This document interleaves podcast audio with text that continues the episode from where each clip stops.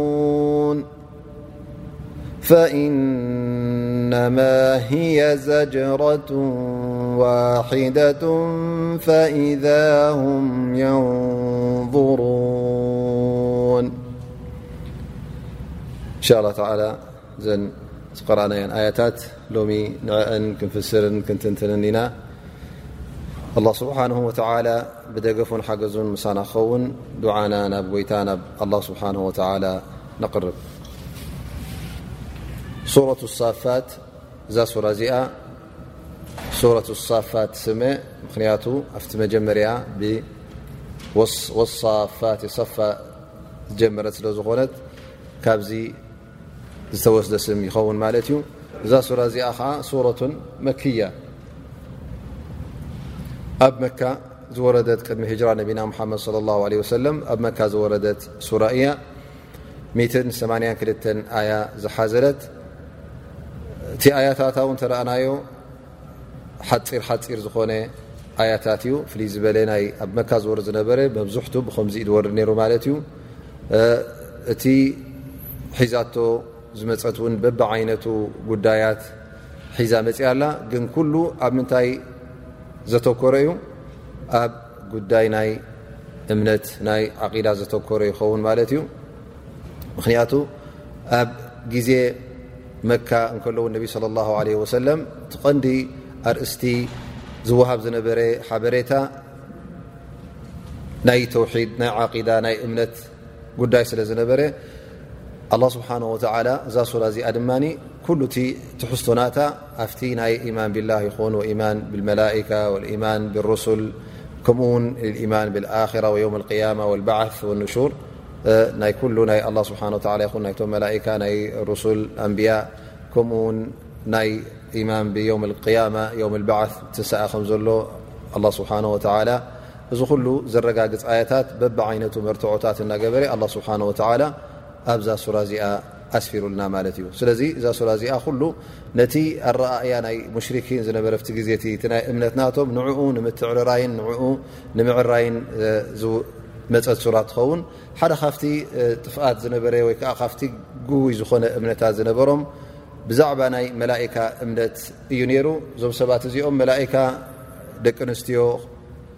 ከምኡ ውን ደቂ ኣምላኽ ወይ ከዓ ደቂ ጎይታ ኢሎም ይኣምኑ ነሮም ካብኡ ሓሊፎም ውን ኣብ መንጎ ኣላን ኣብ መንጎቶም ኣጋንንትንሲ ፆታዊ ርክብ ነይሩ ወይ ከዓ ተዛውጅ ምምርዓው ነይሩ ካብኦም እተወለዱ እዮም ማለት መላእካ ካብ ጎይታን ካብ ኣጋንንትን እተፈጥሩ ፍጡራት እዮም ዝብል ከምዚ ዓይነት ኩራፋት ወይ ከዓ ናይ ዛንታ ናይ ወረ ሱቂልካ ብልምዲ ዝተወርሰ እምነት ነርዎም ማለት እዩ ላ ስብሓን ወላ እዚ እምነቶም እዚ መርትዖ ከምዘይብሉን መፀግዒ ከምዘይብሉ እውን ኣ ስብሓን ወላ ይነግሮም ነሩ እታ ሱራ ንገዛ ርእሳ እቲ ኣጀማምራ ናታ እንተ ርእና ኣላ ስብሓን ወላ ብቶም መላእካ ይምሐል ማለት እዩ ወሳፋት ይሰፋ ክብል እንከሎ እዚኦም መላእካ እዩ ወዛጅራት ዘጅራ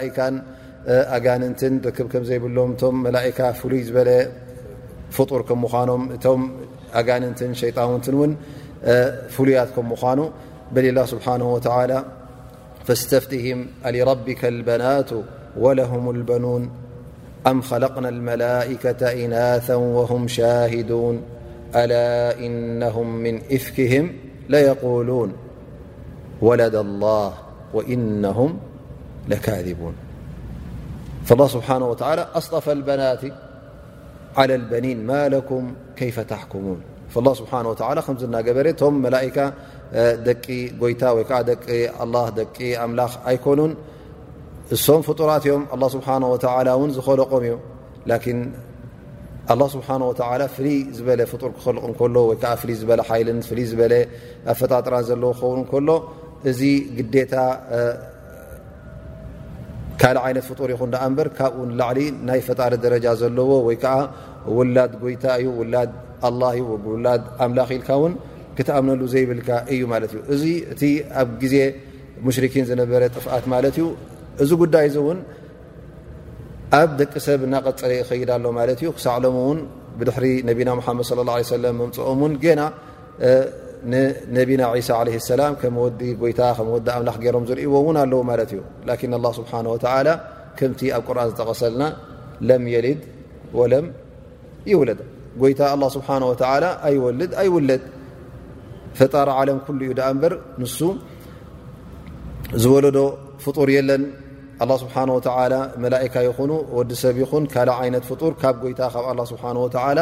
ዝውለዱ ከምዘይ የለው ኣላ ስብሓን ወተላ ሓበሬታ ሂቡና እዩ ካብቲ ጌጋታት እውን ዝነበረ እምነት ናይ ቁሬሽ ናይቶም ሙሽርኪን እዞም ሰባት እዚኦም ሓደ ጎይታ ጥራይ ኣይኮኑን ዘምልኹ ነይሮም እንታይ ደኣ በቢ ዓይነቱ ብዙሓት ጎይቶት እዮም ዘምልኹ ነይሮም ذ ላ ስብሓን ወተላ ኣብዛ ሱራ እዚኣ እቲ ጎይታ ፈጣሪ ሰማይን መሬትን ሓደ ጎይታ ሓደ ኣላ ስብሓን ወተላ ከም ምኳኑ የረጋግፀሎም ኣሎማት እዩ እና ኢላሃኩም ለዋሕድ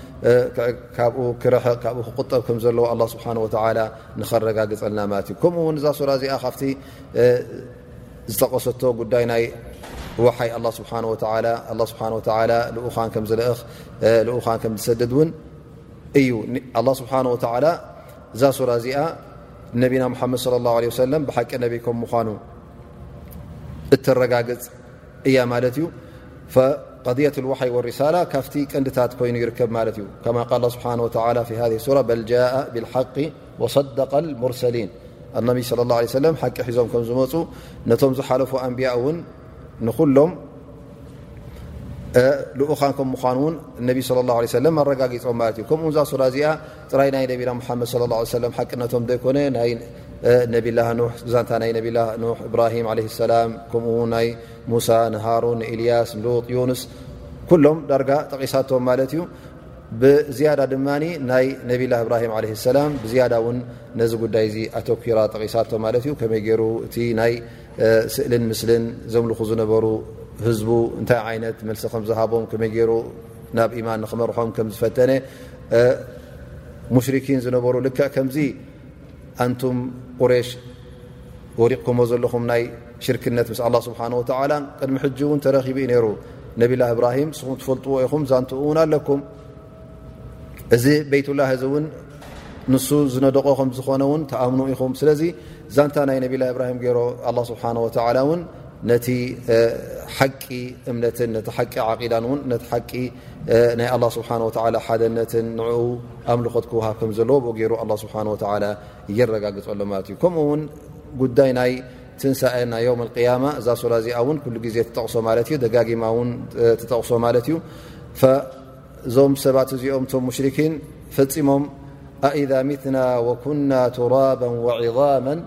ኣእና ለመብዑሱን ኣወ ኣባኡና ኣወሉን እናበሉ ነቢና ሙሓመድ ለ ላ ለ ወሰለም ፈፂሞም ይቕበልዎም ኣይነበሩን ከመይ ጌርና ኢና ሓመድ ምስ ኮና ኣዕፅምትና ምስ ተሓማሸሸ ድሕሪኡ ንሕና እቶም ቀዳሞት ኣቦታትናንሲ ክንምለስ ኢልካ ትዛረብ ኣለኻ እዚስ ዘይከውን ነገር ኢሎም ምስ ተዛረቡ ኣላ ስብሓን ወተላ ብዝኣዘዞም ነቢና ሙሓመድ ስ ሰለም ቁል ነዓም እወ ክትምለሱ ኢኹም ክትውስ ኢኹም በሎም ወኣንቱም ዳኪሩን ፈቲኹም ከይፈተኹም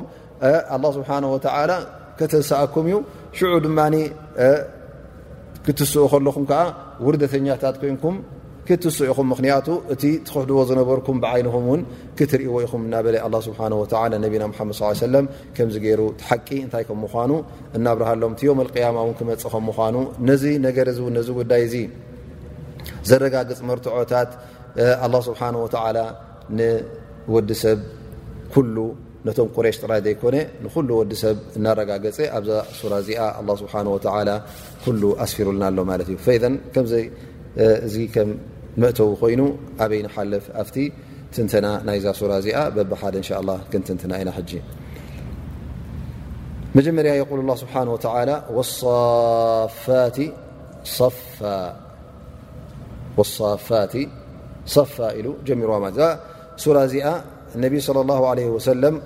صلان يرانرم بل روى عبدالله بن عمر رضي الله عنهما ال كان رسول الله صلى الله عليه وسلم يأمرنا بالتخفيف ويؤمنا بالصالاهعليس خفف في الصلا ارنسنا ل امالصاا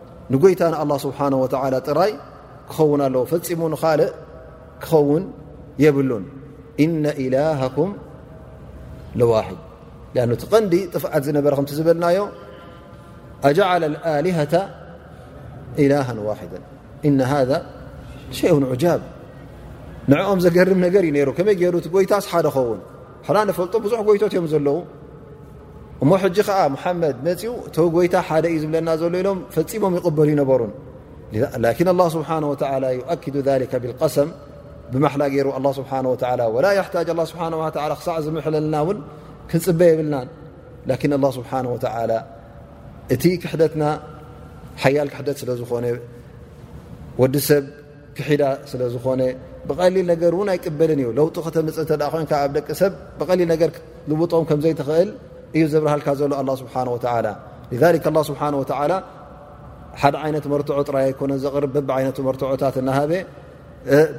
ከምኡ ውን እናመሓለ እናበለ ኩሉ ኣላ ስብሓን ወተዓላ ከምዚ ገይሩ ንወዲ ሰብ የቕርበሉ ነይሩ ወረቕመ ሊክ እቶም ሙሽርኪን ኣብቲ ግዜ እቲ ዝነበሩ ብቋንቁኦም እናወረዶ ከሎ ብቐሊሉ ነዚ ቁርን እዚ ይቕበልዎ ይነበሩ እነ ኢላሃኩም ለዋሕድ ረብ ሰማዋት ወልኣርድ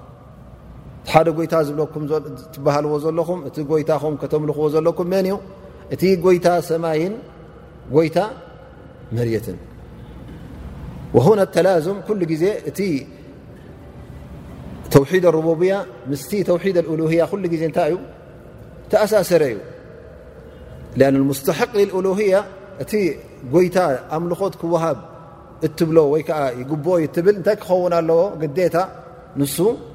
ፈጣሪ ክኸውን ኣለዎ ዝኸለቕ ክኸውን ኣለዎ ካብ ፍጡር እተፈልየ ክኸውን ኣለዎ እንተ ከም ፍጡር እተ ኮይኑ ዘይጠቅም ዘይህብ ዘይፈጥር ዘይኸልቕ እተ ኮይኑ ከመይ ጌርካ ኣምልኾ ትቦ ላን መብዝሕቱ ኣብቲ ግዜ እቲ ዝነበረ ኣይኮነንዶ ንፍጡር ሰብሲ ወይ ከዓ ንመላእካ ምምላኽ ዘይኮነ ክሳዕ እቲ ሰብ ኣብ ምንታይ ወዲቑ ነይሩ ማለት እዩ ናብ ዕንጨይትን ናብ እምንን ንኡ ከም ጎይታ ገይሩ ስእልን ምስል እናገበረ ይሰግደሉን ቁርባን የቕርበሉን ነይሩ ማለት እዩ ላ ስብሓን ወተላ እዚ ጉዳይ እዚ ጥፍኣት ናይ ዓቂዳ ናይ እምነት ዝነበረ ጉዳይ ስለ ዝኾነ ንዕኡ ንምፅራይ ኣላ ስብሓን ወተላ ከምዚ ገይሩ ይገልፀልና ኣሎ ማለት እዩ ረብ ሰማዋት ወልኣርض ወማ በይነሁማ ሰማይን መሬትን እቲ ኣብ መንጎ ሰማይን መሬትን ዘሎ ሕጂ ንኩሉ ዘጠቓለለ ማለት እዩ እንታይ እዩ ዘሎ መንጎ ሰማይን መሬትን ምንሁ ማ ናዕለም ወምንሁ ማ ላ ናዕለም ንፈልጦ ኣሎ ዘይንፈልጦ እውን ኣሎ ማለት እዩ እቲ ዕልሚ ፈውቀ ኩል ዘ ዕልሚ ዓሊም ሰብ ኣሎ ከዋክብቲ ኣሎ ፀሓይ ኣሎ ወርሒ ኣሎ እዚ ኩሉ ንሪኦ ኣለና ማለት እዩ እቶም መላእካ ኣለዉ እቶም ኣጋንንቲ ኣለዉ ዘይትፈልጦ ድማ ፍጡር እውን ኣላ ስብሓን ወተላ ዝፈጠሮ እውን ክህሉ ክእል ላኪን ኩሉ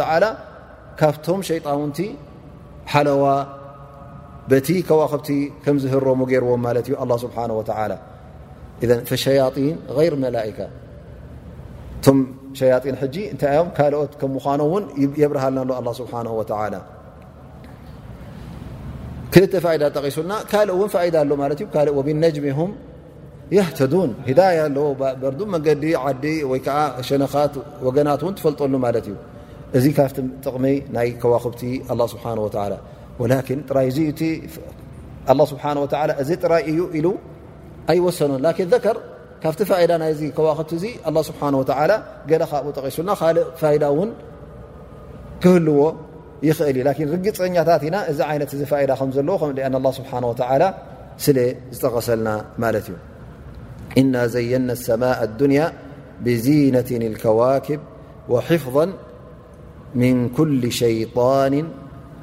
ማርድ ከምኡ ውን እዚ ከዋክብቲ እዚ ኣላ ስብሓን ወተላ ክክልቁ ከሎ ካብቶም ሸይጣውንቲ ካብቶም ኣጋንንቲ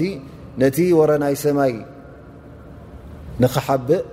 እንተ እዞም ከዋክብቲ እዞም ሸይጣውንቲ እዚኦም እተ ክሰምዑ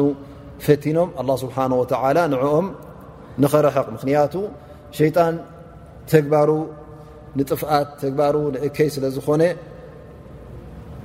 እሞ እቲ ኣብ ውሽጢ መላካ ወይ ከዓ ኣላ ስብሓን ወተላ ዘመሓላለፎ ትእዛዝ ናብቶም መላእካ ክበፅሕ እንከሎ እቶም መላእካ ከዓ ሒዞሞ ንመርት ናፍቲ ነቢ ናፍቲ ልኡኽ ወይ ከዓ ዝኾነ ይኹን ዓይነት ኣላ ስብሓን ወተላ ዝቀደሮ በቶም መላእካ ገይሩ ከመሓላለፎ ከለዉ ከመሓላለፎ ከሎ ኣብዚ እዋን እዚ እቶም ሸጣውንቲ እንታይ ዮም ዝገብሩ ማለት እዩ እዚ ትእዛዛት እዚ እንታይ ይግበር ኣሎ ወይ ከዓ እንታይ ይበሃል ኣሎ ንክሰምዑ እውን ይቐርቡ ማለት እዩ ኣብቲ ደረጃ ናይቶም መላእካ ወይ ከዓ ኣብቲ መላእካ ዘለዎ ቦታ ይቀራረቡ ማለት እዩ የስተሪቁነ ሰምዕ ነቲ ዝበሃል ዘሎ ምእንቲ ንክሰምዑ ማለት እዩ ላ ስብሓን ወተላ እንተ ደኣ ቀሪቦም እንታይ እዩ ዝገብሮም ማለት ነዞም ሸጣውንቲ በዚ ከዋክብቲ ገይሩ ይቀትሎም በዚ ከዋክብቲ ገይሩ እውን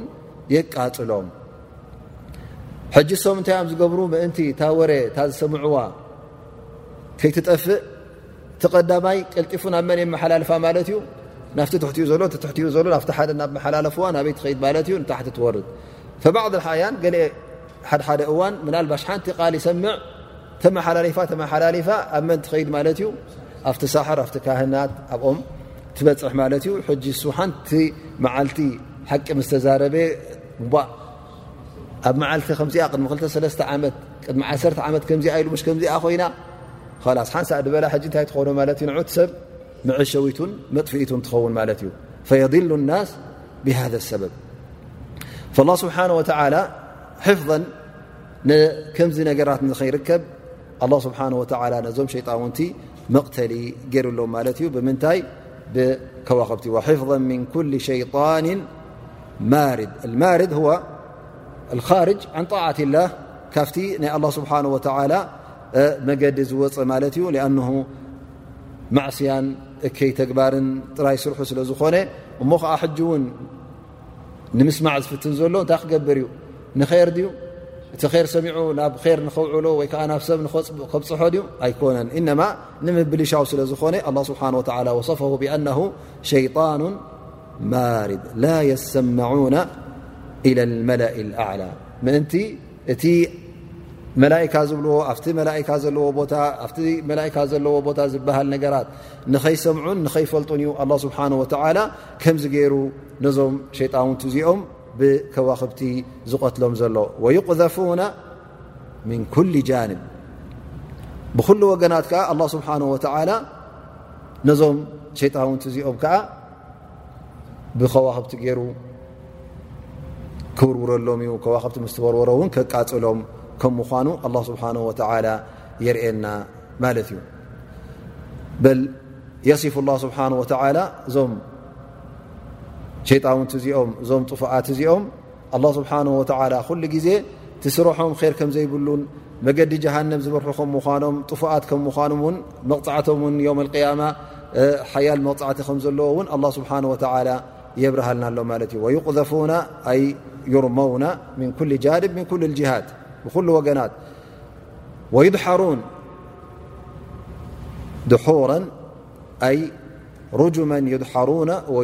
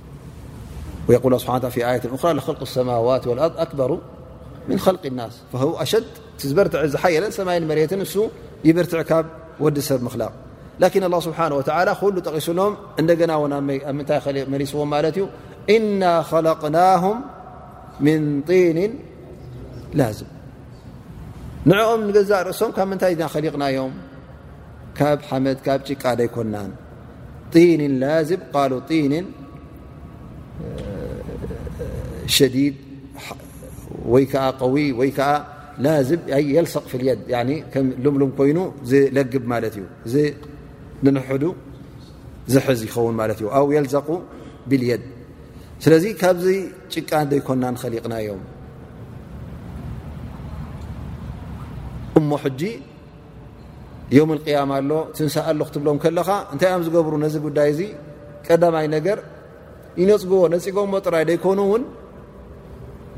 ክላገፁ እውን ትረኽቦም በል ዓጅብታ የስኸሩን ካብቲ ዘገርም እስኻ ውን ንዓኻ ውን የገርመካ ኣሎ በቲ እወ ጎይታ ዩ ኸሊቑና ንዓና ኸሊቑ ንሰማይን መሬትን ኸሊቑ እናበሉ ከለዉ ፍጥረት ናይ ኣላ ስብሓን ወተዓላ ኩሉ ዘማልእኹም ምዃኑ ናኣመኑ ከለዉ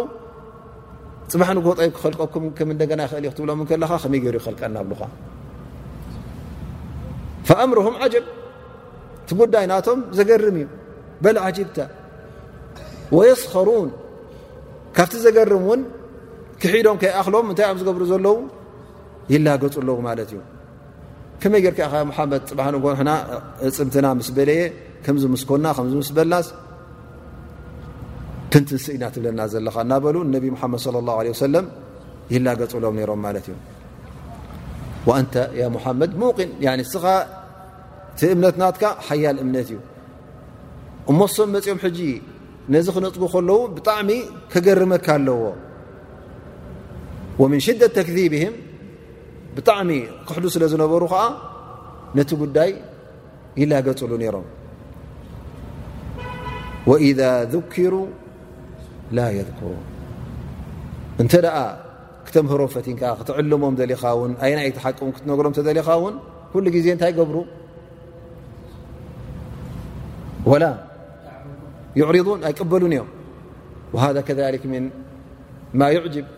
ካብቲ ዘገርም ነገራት እዩ ሓደ እንተ ኣምሂሩካ ዓሊሙካ ኣፍሊጡካ ክትፈልጥ ክትዕለም ክትመሃር እዩ ዘለካ ላን ንሶም ፈፂሞም ንክመሃሩ ሓበሬታ ንክወስዱ ንክዕለሙ እውን ድልዋት ኣይኮኑን ድልት የብሎምን ወኢዛ ذኪሩ ላ የذኩሩን ንዑባ ተብልካ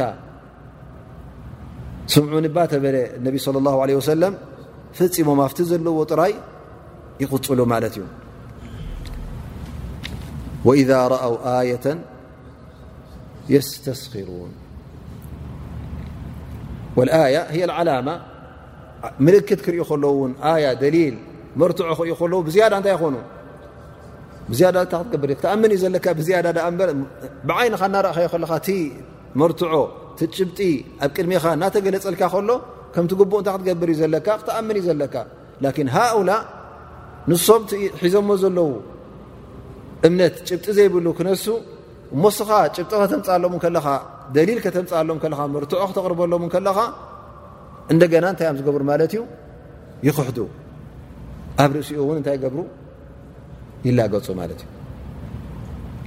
እዩ ላ ስብሓን ወላ ሕጂ የርእየና ኣሎማ ኩሉ ግዜ እቲ መርትዖ ዘይብሉ ሰብ እንተ መርትዖታት ኣቕሪብካሉ እንታይ እዩ ዝገብር ኣብ ምንታይ ዝኸድ ክላገፀልካ ጀምር ማለት እዩ ፅብልካ ዩ ከየናሸወካ ንሱ ኣስለን ክምልሰልካ ስለ ዘይከኣለ ኣይከኣልኩን ወይ ከዓ ተሸኒፈ ክብል ኣይደለየን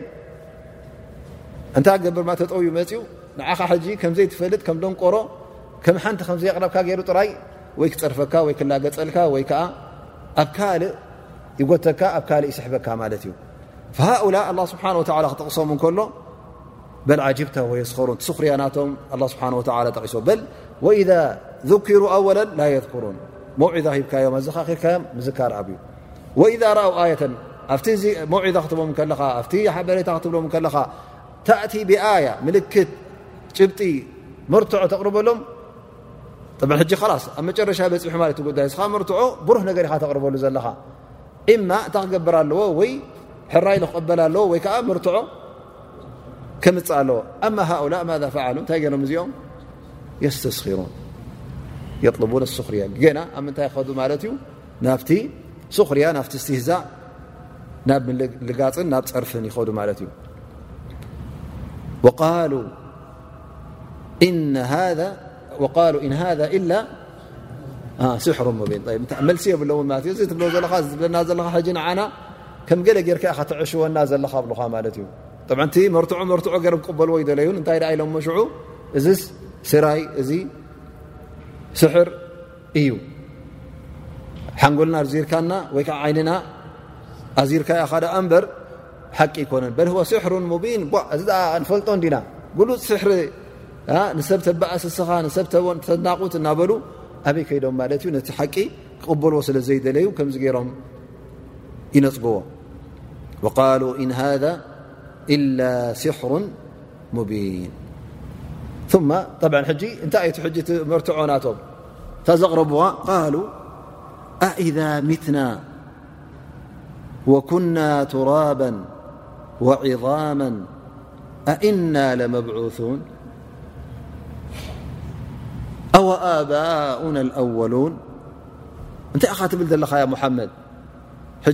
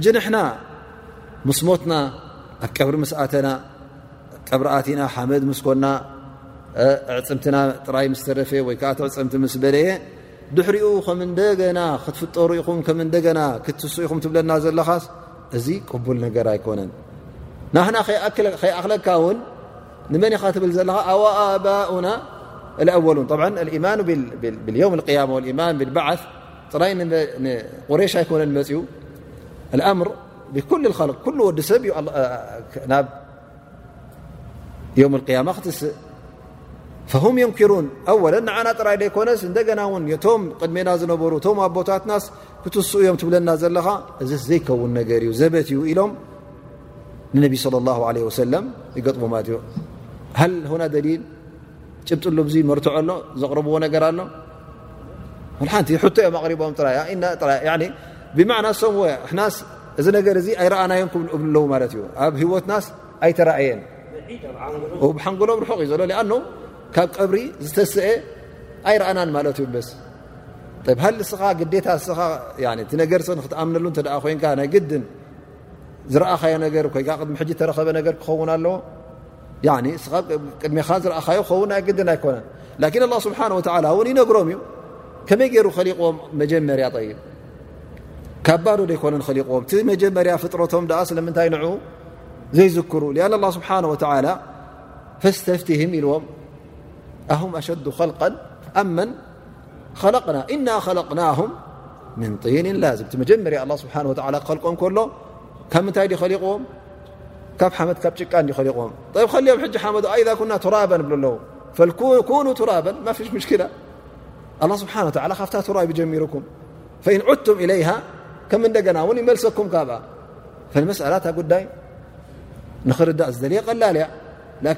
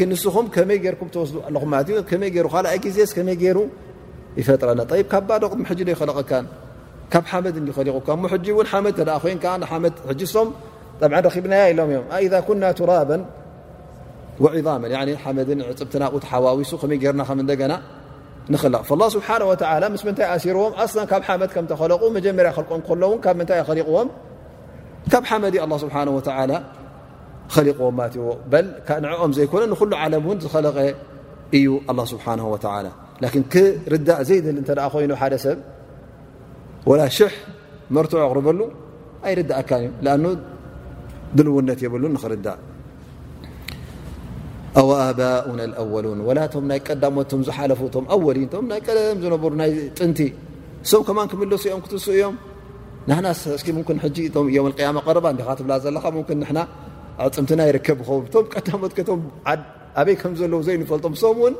ብ ከምዚ እናበሉ ሕጂ እናተራገፁ ሕጂ ነቲ ሓቂ ነፂጎሞ ማለት እዩ ብኡ ገይሮም ሕጂ እውን ነቲ መስኪን ሰብ እውን ነቲ ህዝቢ እውን ከጠፋፍእዎ ይኽእሉ እዮም ማለት እዩ ላ ስብሓን ወላ የል ነብይና ሙሓመድ ለ ላ ሰለም ቁል ናዓም ያ ሙሓመድ እቲ ምልጋፅናቶም እቲ ካልእ ዘረብኦም ወላ ሓንቲ ቅጭጫ ይበልካ እወ ብርግፅ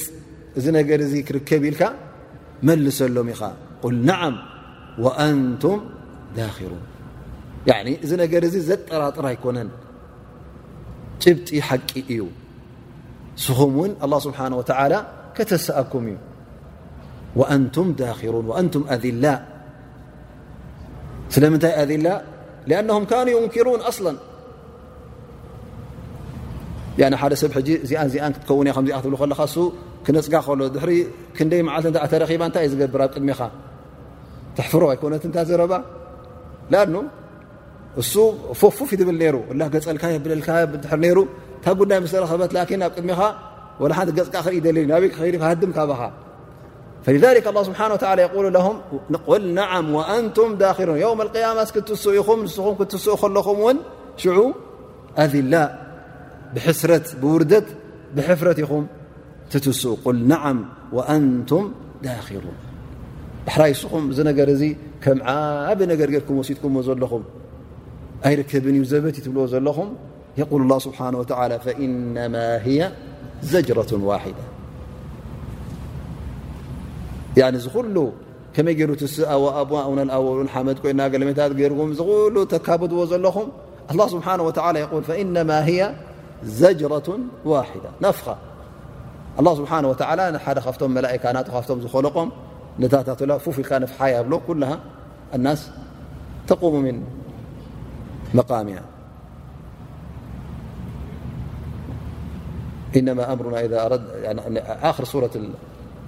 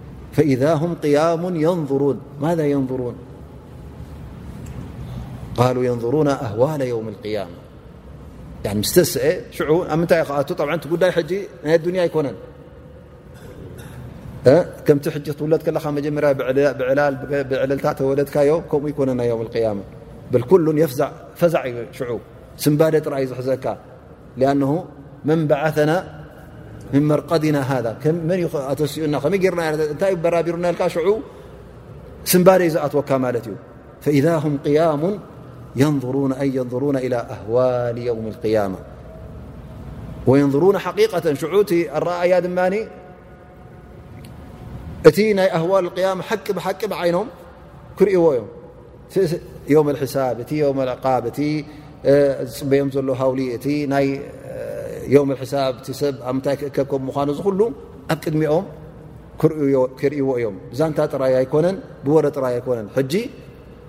እቲ ጉዳይ ብዛንታ ወይ ከዓ ብወረ ዝነገረካ ዘሎ ኣላ ስብሓን ወላ ከ ከምዝ እናበለ ዮም ያማ ከምዝርከብ ዩ ከምዝርከብ ለካ ኣሎ ላን ፊ ሊከ ልዮም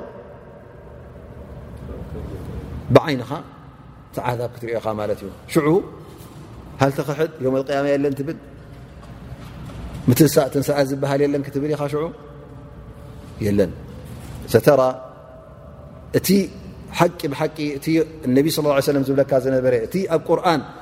ዝቕረኣልካ ዝነበረ እቲ ዝውሃበካ ዝነበረ ሓበሬታ ቅያማ ኣሎ ምትንሳ ኣሎ ዮም ያማ ኣሎ እሳተ ጀሃንም ኣሎ ጀና ኣሎ ሒሳብ ኣሎ ትበሃሎ ዝነበርካ ኣበይ ክትርኦ ኢኻ ማለት እዩ ኣብ ቅድሜኻ ኮፍ ኢሉ ክትርኦ ኢኻ ስለዚ